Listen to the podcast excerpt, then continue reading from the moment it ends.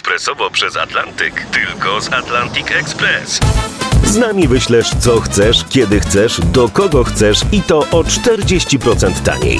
W Atlantic Express wysyłamy wszystko, co chcesz. 1 800 775 7363. Mienie przesiedleńcze, kontenery, paczki do Europy. Atlantic Express to 30 lat doświadczenia i o 40% niższe ceny na wysyłki kontenerów, samochodów i paczek. Ekspresowo przez Atlantyk tylko z Atlantic Express. Zostałem starym oszustem, żyjącym z jałmużny od innych starych oszustów.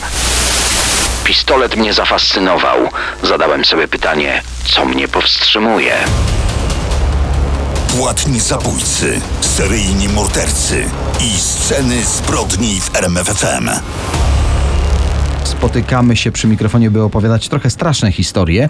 Ale dzisiaj nie aż tak strasznie, dzisiaj bardziej sensacyjnie, bo będziemy opowiadać o największych kradzieżach świata. No i właśnie, wyobrażamy sobie spektakularne napady na bank, na których wzorowali się później twórcy filmowi w Hollywood. No i rzeczywiście kilka napadów zasługuje na uwiecznienie, bo były spektakularne, plan doskonały, perfekcyjnie zrealizowany. I powiemy o takim przypadku. Ale część tak zwanych napadów stulecia to dzieło przypadku, bo sami rabusie nie spodziewali się tak wielkiego łupu. Wielu z nich zostało ujętych, bo nieostrożnie wydawali pieniądze i nie dość dobrze zacierali ślady. Ale są też napady stulecia, powiedziałbym, realizowane po cichu i na raty. I zaraz o najbogatszym złodzieju dzieł sztuki Europy, o którym mogliście w ogóle nie słyszeć. Opowiemy również o najgłośniejszym skoku na kasę w historii Wielkiej Brytanii. Celem napadu był pociąg pocztowy. Zostańcie z RMFFM. Sceny zbrodni w RMFFM. Czas na historię złodzieja, który ukradł dzieła sztuki o wartości, uwaga, 1 miliarda 400 milionów dolarów. No musimy tutaj przyznać, że trzy razy sprawdzaliśmy ilość zer w tej sumie. Przeliczając na złotówki, jeden człowiek ukradł 6 miliardów złotych, co czyni go no, rekordzistą w tym fachu. Ale jak to u nas po kolei. Stefan Brightwizier urodził się we Francji 1 października 71 roku. Co będzie miało znaczenie w tej historii, jego dziadek Robert Brightwizier był znanym malarzem. Dziadek to bardzo ciekawa postać, związana praktycznie całe życie z miejscowością Miluza w Alzacji. To miejsce, w którym mieszają się wpływy francuskie i niemieckie. Tu się urodził, tutaj zmarł, ale podróżował po całej Europie, przyjaźniąc się z poetami, pisarzami, innymi malarzami, no generalnie ludźmi sztuki. Dziadek Robert pozostawił po sobie ogromny dorobek malarski i tenże dziadek zaraził małego Stefana miłością do sztuki. Przynajmniej tak to opisała francuska prasa. No i tu musimy wtrącić, że nie do końca tak wyglądają zawiłości rodzinne Brightwizerów, bo faktycznie ten słynny malarz Robert był dziadkiem, ale znanego współcześnie artysty Bruno Brightwizera. Trochę uprzedzając fakty, gdy wybuchła afera z kradzieżami dokonanymi przez Stefana, malarz Bruno, by oczyścić dobre imię rodu, żądał sprostowania tej kwestii, dowodząc, że Stefan jest jego dalekim, dalekim, dalekim kuzynem. Mało tego, słynny dziadek malarz nie mógł zarazić Stefana miłością do sztuki, gdyż zmarł, gdy mały Stefan miał zaledwie 4 lata. Ale zapewne jest w tym prawda, że mógł żyć w cieniu legendy przodka, w otoczeniu jego obrazów. Wychowywał się wśród opowieści o seniorze rodu, którego szanował cały świat tak mogła zrodzić się miłość do sztuki. Wiemy, że nastoletni Stefan chętnie odwiedzał muzea i galerie. Wiemy także, że jak wspomniany daleki, daleki, daleki kuzyn Bruno marzył, by pójść w ślady seniora rodu, chciał zostać słynnym malarzem, ale jak się okazało, nie miał odpowiednich genów i po prostu zabrakło talentu, za to obudził w sobie zupełnie inny talent. No właśnie, jest rok 1994.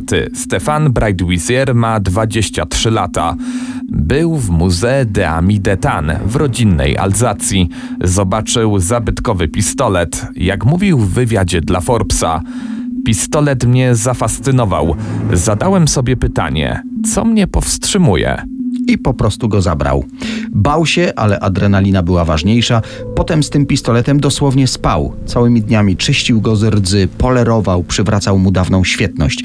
Znów zacytujmy: Traktowałem go jak niemowlę, które karmiłem, ale nadal bardzo się bałem. Właściwie każdego dnia w lokalnych gazetach szukał jakiejkolwiek wzmianki o tej kradzieży. Minął tydzień, drugi i nic. Po miesiącu, gdy nikt nie szukał broni, zrozumiał, że muzea wolą takich spraw nie nagłaśniać. Postanowił znów poczuć ten dreszcz emocji. W 95 roku wraz ze swoją dziewczyną odwiedza średniowieczny zamek w Gruyère w Szwajcarii. Postanowił ukraść jeden z wiszących tam niewielkich obrazów. Trochę by zaimponować narzeczonej, ale przede wszystkim dlatego, że sportretowana przez Christiana Wilhelma Dietricha kobieta oszołomiła go. Jak wspomina, byłem zafascynowany jej urodą, cechami kobiety na portrecie i jej oczami. Wtedy pomyślał, że to jakieś dzieło inspirowane płótnami Rembrandta. To świadczy o przypadkowości tej kradzieży. Jego dziewczyna czuwała, czy nikt nie idzie. On wyciągnął obraz z ramy, schował go pod marynarkę i wyszedł. Wtedy zorientował się, że w wielu muzeach cenne artefakty leżą dosłownie na wyciągnięcie ręki. Poza polem widzenia kamer, nie w każdej sali jest ochrona czy pracownik muzeum, wystarczy po prostu sięgnąć. No i sięgał. Znamy to powiedzenie, że okazja czyni złodzieja. Skorzystał z niejednej takiej okazji, a później sam starał się te okazje sobie tworzyć. Działał zwykle w podobny sposób. Zauważył, że ochrona muzeum jest mniej czujna o poranku. Wieczorami, przed zamknięciem, jest bardziej podejrzliwa, jakby zbliżający się wieczór kojarzył się z porą działania rabusiów, ale o poranku Pracownicy są wtedy zwykle zaspani, zwykle rozmawiają z kolegami i koleżankami o plotkach i ploteczkach, skupiają się bardziej na filiżance kawy niż na pilnowaniu zawartości gablot. Stefan Breitwieser zaczął wybierać mniejsze galerie i muzea. Upatrywał sobie zwykle jedno dzieło. To nie musiał być wcale obraz. Czasem jakaś rzeźba, figurka, puchar, talerz, czasem coś ze srebra. Po prostu cenił piękne i oczywiście zabytkowe przedmioty. Szczególnie upodobał sobie starą broń. W mgnieniu oka zabierał przedmiot, chował pod marynarką albo do plecaka i znikał bez śladu. No nie do końca znikał. Zdarzało się, że po jakimś czasie pojawiał się znów w tych samych muzeach, by kraść kolejny zabytek sztuki. Zdarzało się, że ani strażnicy, ani pracownicy galerii nie orientowali się, że coś w ogóle zniknęło.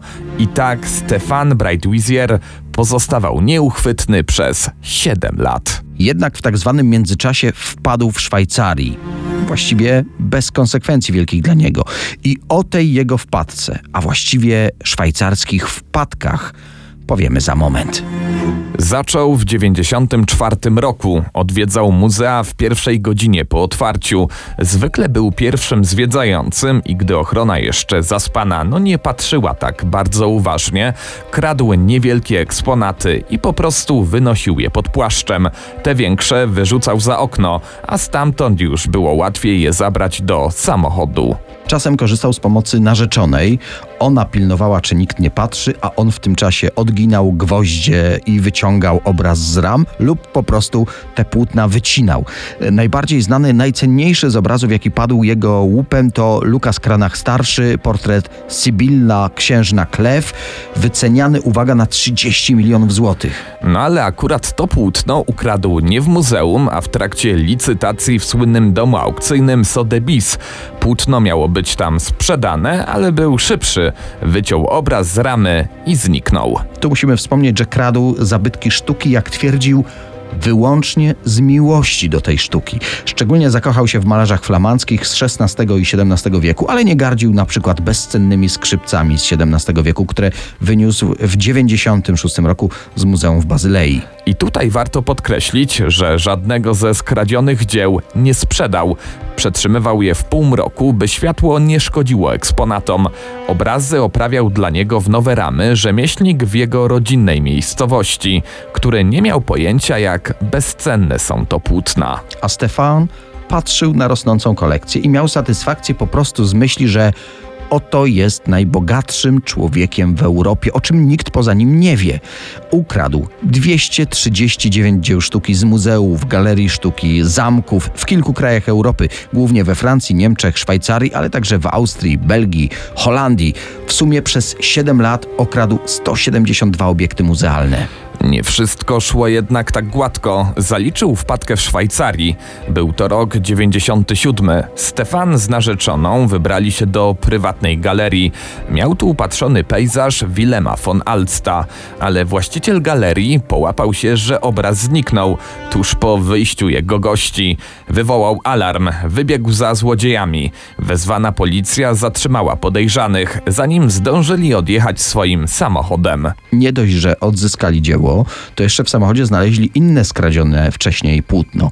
Ale Mimo takich niezbitych dowodów i złapania na gorącym uczynku, szwajcarski wymiar sprawiedliwości nie był bardzo surowy wobec tej francuskiej pary. Dostali po 8 miesięcy więzienia w zawieszeniu. Do tego zakaz wjazdu do Szwajcarii, który obowiązywał przez kilka lat. Co ciekawe, Stefan nie zrezygnował z wypraw do tego kraju. Posługiwał się na wszelki wypadek panieńskim nazwiskiem swojej mamy. Wiemy jednak, że no nie miał szczęścia do tej Szwajcarii. Już w 2001 roku wybrał się do Lucerny, do Muzeum Kompozytora Ryszarda Wagnera i próbował ukraść trąbkę z 1584 roku. Podchodził do tego zabytkowego instrumentu dwukrotnie. Za pierwszym razem no już miał sięgnąć po tę trąbkę, ale czujnie zareagowała ochrona. Odwrócił wszystko z refleksem i błyskotliwością, że nie mógł się oprzeć, że chciał dotknąć. Spłoszony nie dał za wygraną i próbował ukraść trąbkę jeszcze raz. Prawie się udało, ale wpadł przez psa wyprowadzanego na spacer w pobliżu muzeum. Planował wynieść trąbkę ukrytą pod eleganckim płaszczem i ten elegancki płaszcz nie spodobał się psu. Przechadzał się z tym psem po terenie muzeum dziennikarz Erich Eisner, mieszkający po sąsiedzku. Pies zaczął szczekać. Złodziejowi puściły nerwy, spłoszył się i tym się zdradził. Pan psa wiedział o wcześniejszej próbie kradzieży, więc zareagował czujnie na podejrzane zachowanie. Zawiadomił szefa ochrony.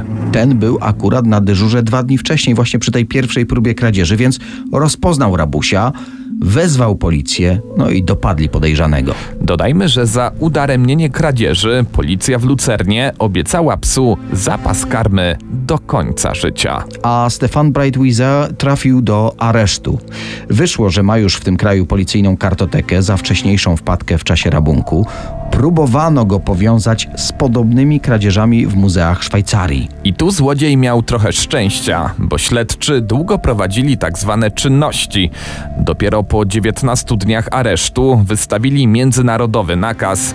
Na jego podstawie można było przeszukać mieszkanie złodzieja, mieszkanie we Francji. Tak naprawdę niczego by tam nie znaleźli, bo Stefan Wszystkie swoje trofea trzymał w swojej starej sypialni, w domu jego mamy, Mireille Braidwizer. Gdy mama dowiedziała się, że syn jest w szwajcarskim więzieniu za kradzież dzieł sztuki, dopiero wtedy zrozumiała, co to za artefakty znosił do niej przez te wszystkie lata. Mówił jej, że okazyjnie kupował, zdobywał na aukcjach, że obrazy to kopie znanych dzieł. Podkreślamy, 239 eksponatów wartych 6 miliardów złotych leżało sobie od tak w małym, słabo zabezpieczonym przed kradzieżami domku w niewielkiej miejscowości Miluza na południu Alzacji.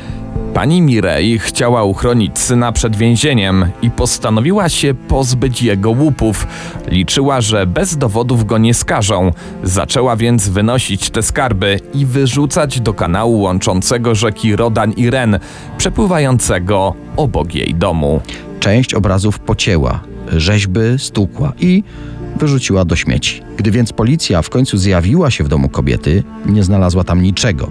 Po kilku miesiącach jednak na brzegu kanału zaczęły pojawiać się zabytkowe przedmioty wyrzucane przez fale. Wobec tych dowodów mama złodzieja musiała przyznać się do dokonania zniszczeń bezcennych zabytków, a syn po kilku miesiącach aresztu przyznał się do tego, co ukradł. Nurkowie zdołali odnaleźć na dnie kanału Rodan-Ren mnóstwo kosztowności, zabytkowe wazy, srebrne ozdoby, różne zabytkowe statuetki.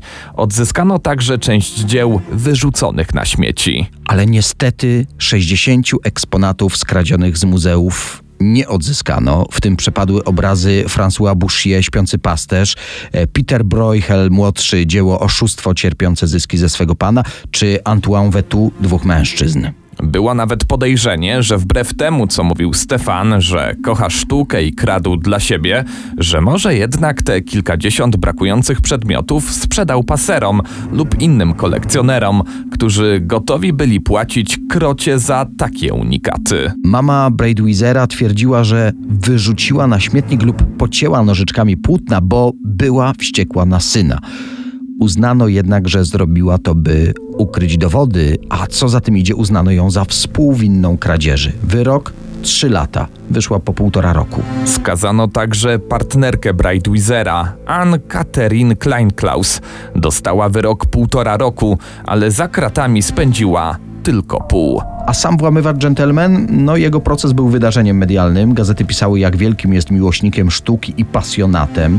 Wiedzą o skradzionych przedmiotach przewyższał nawet ekspertów z muzeów. Gdy zeznawali, zdarzało się, że poprawiał ich, opisując szczegółowo przedmioty. Zaskoczyło to sędziego, że pamiętał właściwie każdy artefakt z najdrobniejszymi szczegółami. Uznano to z pewnością za okoliczność łagodzącą. Sędzia cytował słowa skazanego: Lubię sztukę, uwielbiam, zebrałem ją i trzymałem w domu. 7 stycznia 2005 roku Stefan Breitwieser został skazany przez sąd w Strasburgu na 3 lata za kratkami. Z więzienia wyszedł po dwóch latach. Zaskakująco łagodny wyrok dla kogoś, kto ukradł dzieła wyceniane na rekordowe 6 miliardów złotych. Po wyjściu na wolność, jak się wydawało, żył uczciwie, utrzymywał się ze sprzedaży swojej książki, autobiografii, wyznania złodzieja dzieł sztuki. A jednak to nie koniec tej historii. Muzea nigdy nie mogły pogodzić się z myślą o stracie tak cennych eksponatów. Doprowadziły do ponownego przeszukania domu pani Mirej Breitwieser. W 2010 roku odnaleziono tam ukryte wiadra, w których znaleziono 163 tysiące euro. Co ważniejsze, udało się znaleźć kolejne 30 ukradzionych przedmiotów. Najwyraźniej po wyjściu z więzienia nadal zwiedzał muzea i nadal korzystał z okazji. Znów aresztowano Stefana i znów trafił do więzienia na 3 lata. Kolejny raz aresztowano go w 2016 roku. U niego w domu trafiono na rzymskie monety skradzione z muzeum oraz przedmioty skradzione z galerii we Francji i w Niemczech. Został też przyłapany na gorącym uczynku, jak próbował sprzedać na internetowej aukcji zabytkowy przycisk do papieru. Jak się okazało, pochodzący z kradzieży z muzeum w St. Louis. Po tym nikt już nie wierzył, że Stefan kradł z pobudek romantycznych, z miłości do sztuki, że chciał jedynie stworzyć swoją prywatną, ekskluzywną kolekcję, nie na sprzedaż, po prostu najbogatszą w Europie. Sceny zbrodni w RMFFM. o największych kradzieżach świata. No to wyobraźcie sobie kilkunastoosobową grupę z Wielkiej Brytanii, która wpada na pomysł, jak w kilkadziesiąt minut stać się obrzydliwie bogatymi ludźmi. Ich plan był dopracowany w najmniejszych detalach. Wydawało się, że znaleźli przepis na skok doskonały. Przenosimy się teraz na Wyspy Brytyjskie, dokładnie do roku 1963. Właśnie wybucha Beatlemania. Czwórka z Liverpoolu podbija każde niewieście serce w Anglii, a za chwilę już na całym świecie. Patrick McKenna, starszy oficer ochrony brytyjskiej poczty, w przerwach między słuchaniem Love Me Do i Twist and Shout, zauważył, że pociągi przewożące gigantyczne sumy pieniędzy na trasie Glasgow-Londyn są właściwie bez ochrony, a załoga nie jest uzbrojona. Raz w miesiącu ze Szkocji do centrali Banku Anglii torami pędzi skład przewożący kilkaset tysięcy funtów. Informacja ta szybko dotarła do Gordona Goodeya, fryzjera, który postanowił odpowiednio te informacje wykorzystać. Wkrótce zapadła decyzja o przeprowadzeniu skoku na pociąg pocztowy. Mózgiem całej operacji został Bruce Reynolds, inteligentny i elegancki przestępca. Mężczyzna miał za słaby wzrok, żeby służyć w marynarce wojennej. Nudził się legalną pracą, dlatego został kryminalistą. Specjalizował się w kradzieży biżuterii. W 1963 roku na swoim koncie miał już kilka wyroków za rozmaite kradzieże. Podczas napadu na furgonetkę na lotnisku Heathrow jego gang ukradł 62 tysiące funtów, ale prawdziwa fortuna miała dopiero nadejść. Reynolds na podstawie szczegółowych informacji od pracownika brytyjskiej poczty kreślił wybitnie skrupulatny plan. Skompletował 15-osobowy zespół. Postanowił poprosić o pomoc członków londyńskiego gangu The South Coast Riders. Panowie mieli spore doświadczenie w napadach na pociągi. Przez kilka miesięcy szlifowano każdy etap tego planu. W końcu wytypowano datę skoku, który miał przejść do historii. Tak docieramy do 7 sierpnia 63 roku. Pociąg pocztowy wyjechał z Glasgow o 18.50. Spalinowo-elektryczna lokomotywa ciągnęła 12 wagonów. 72 pracowników sortujących pocztę znajdowało się w środku.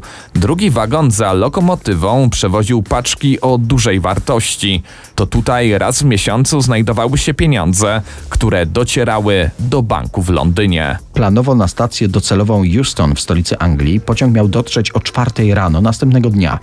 Skład przewożący prawdziwą fortunę nie posiadał odpowiedniego zabezpieczenia, to znaczy specjalnych krat w oknach, zamków w drzwiach, alarmów czy łączności radiowej. Wszystkie te zaniechania kolei zostały wykorzystane przez rabusiów sierpniowej nocy. Jest 8 sierpnia 63 roku, czwartek, kilka minut po godzinie trzeciej.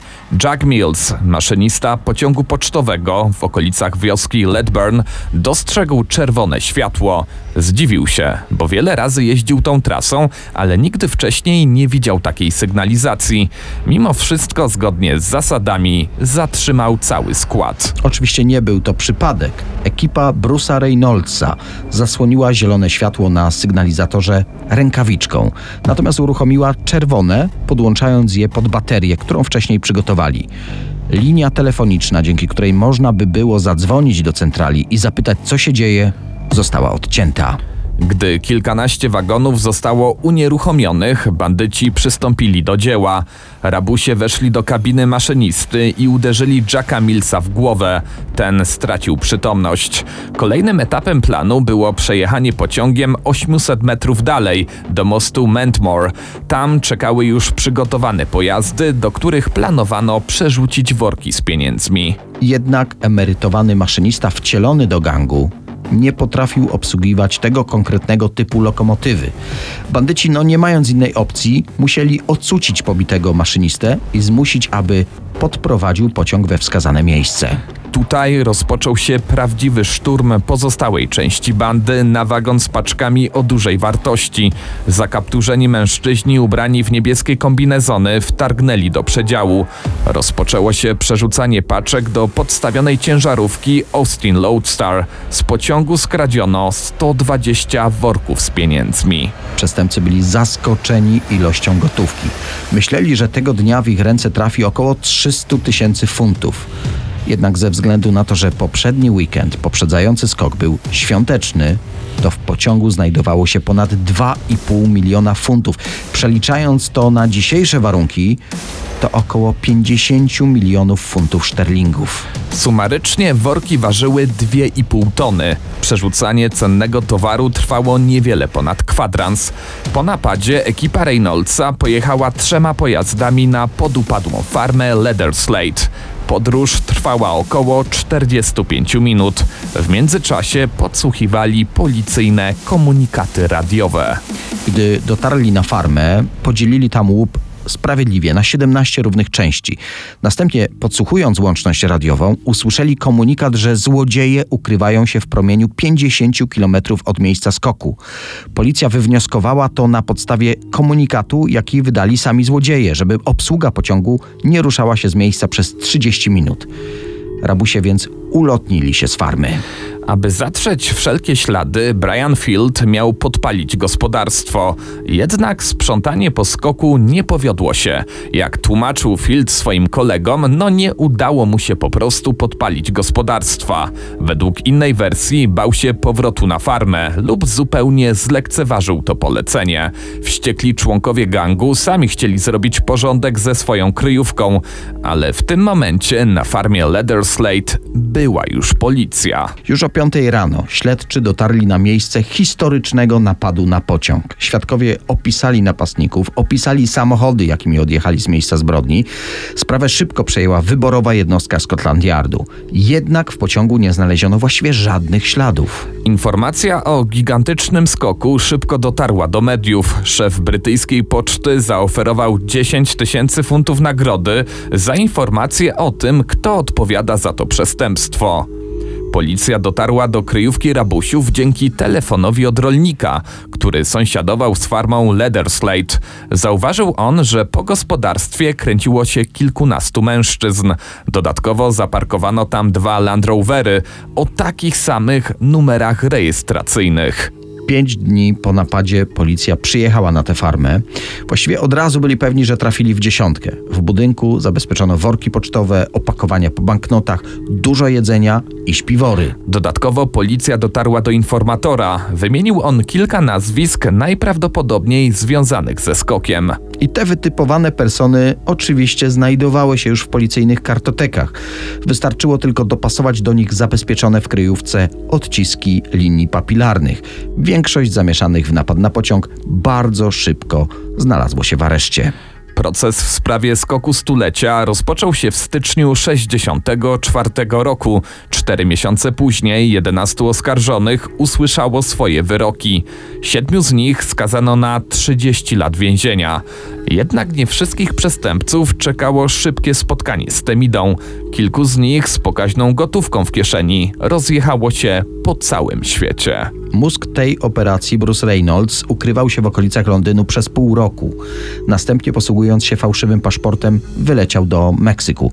Wkrótce dotarła tam też jego żona i syn. Do Reynoldsa dołączyli później dwaj inni kompanii uczestniczący w tym skoku stulecia. Ale po pięciu latach ucieczki został złapany i skazany na 25 lat więzienia. Na wolność wyszedł po zaledwie 10. Później nadal nie było mu po drodze z życiem wzorowego obywatela i pakował się w rozmaite kłopoty. Zmarł w 2013 roku w wieku 81 lat.